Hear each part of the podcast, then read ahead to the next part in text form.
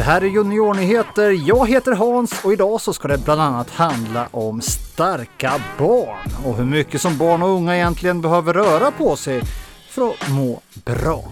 Men det ska också handla om en dramatisk fotbollsmatch och en kuslig flygtur som båda slutade lyckligt. Visste du att det finns nya rekommendationer om hur mycket motion barn och unga mellan 7 och 17 år ska ha varje dag för att må så bra som möjligt? Ja, minst en timme om dagen, mångsidigt och ansträngande motion anpassad till åldern, det är det bästa.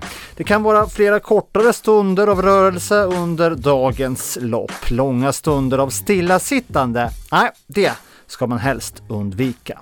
Men i Finland rör sig bara hälften av 7 12-åringar tillräckligt mycket. Och bland de som är 13 till 17 år så är det bara en av fem som rör sig så här mycket. Lena Eriksson som arbetar vid Ålands idrott berättar hur det här kan komma sig. Ja, det finns väl många anledningar. Eh, jag tänker att eh, hela vårt samhälle har ju blivit mer att eh, det så att säga är lättare att till exempel att ta sig till och från ställen så har man bilar, bussar. Eh, det är mycket mera sånt så att säga spontana aktiviteten som vi alltid pratar om och tjatar om så minskar. Eh, och det finns liksom andra erbjudande och då pratar man ju väldigt mycket om att att det här med, med mobiler och all den här tekniken gör att man sitter mer stillasittande. Men jag tänker att hela samhället har ju blivit mera det här att, att vi gör det lättare för oss. Eh, och, och det påverkar ju helt klart. Ålands idrott anordnar sedan flera år tillbaka något som heter Starka barn som ger de yngre skolbarnen en möjlighet till kostnadsfri träning och lek efter skoldagen. Vi träffade ledaren Josefin Gustafsson vid ett sånt här tillfälle som berättade mer om Starka barn. Ja, vi har Starka barn i 16 skolor av 20 på Åland och då erbjuder vi alltså en extra timme fysisk aktivitet för alla barn som går i årskurs 1 till 2. Eh, och då är det helt enkelt allsidig träning för barn så att de ska få träna på både styrka och lite rörlighet och lite kondition och även lite koordination. Så att i 16 skolor på Åland så, så finns det här då och det är direkt i anslutning till skolan så det är en timme efter skolan har slutat som det här starka barnpasset är. Så det är ju frivilligt eftersom det är en fritidsaktivitet. Eh, så att eh, så går det till och så har vi olika ledare då som är utbildade som finns på plats för att bedriva den här allsidiga träningen för att hjälpa egentligen barnen framåt i, i sin rörelseförståelse. Att man, ja, rörelseförståelse är egentligen lika viktigt som läsförståelse, alltså att barnen lär sig från grunden redan olika typer av rörelse. Man kan tänka sig att du har en eh, massa olika legobitar och varje legobit så är en rörelse. Och ju större box du har på slutet med legobitar desto mer mångsidig eller allsidig kan du vara i livet. Och det kan också göra att du vågar testa på olika idrotter ju äldre du blir för att du känner dig bekväm med att göra olika typer av rörelser. Och råkar du gå i en skola i Mariehamn så är det först i årskurs två som du kan vara med i Starka barn. Det här beror på att det är så många barn i stan så att det skulle bli för stora grupper annars och svårt att hitta en plats för alla att vara på samtidigt efter skolan. Idag så presenterade Finlands statsminister Sanna Marin Finlands så kallade exit-strategi.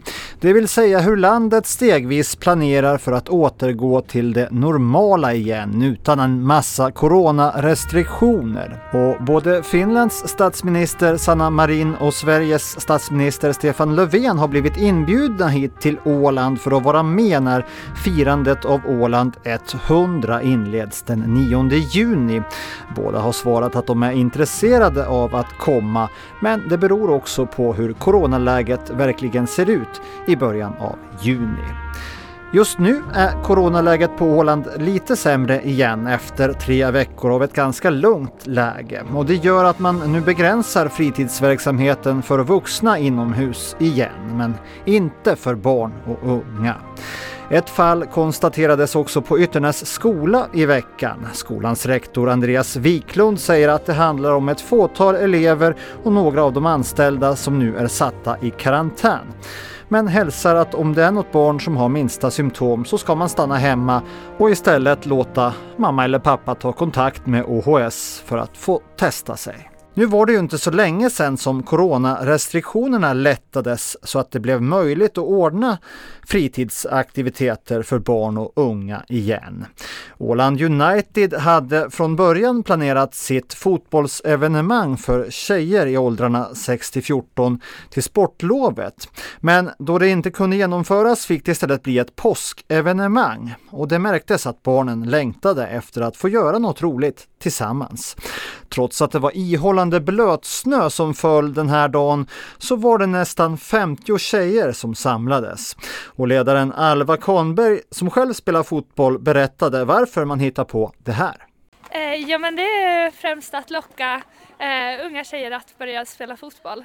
Eh, många spelar redan men dels att eh, de får lära känna varandra från olika lag men sen att också eh, nya eh, får upp intresset.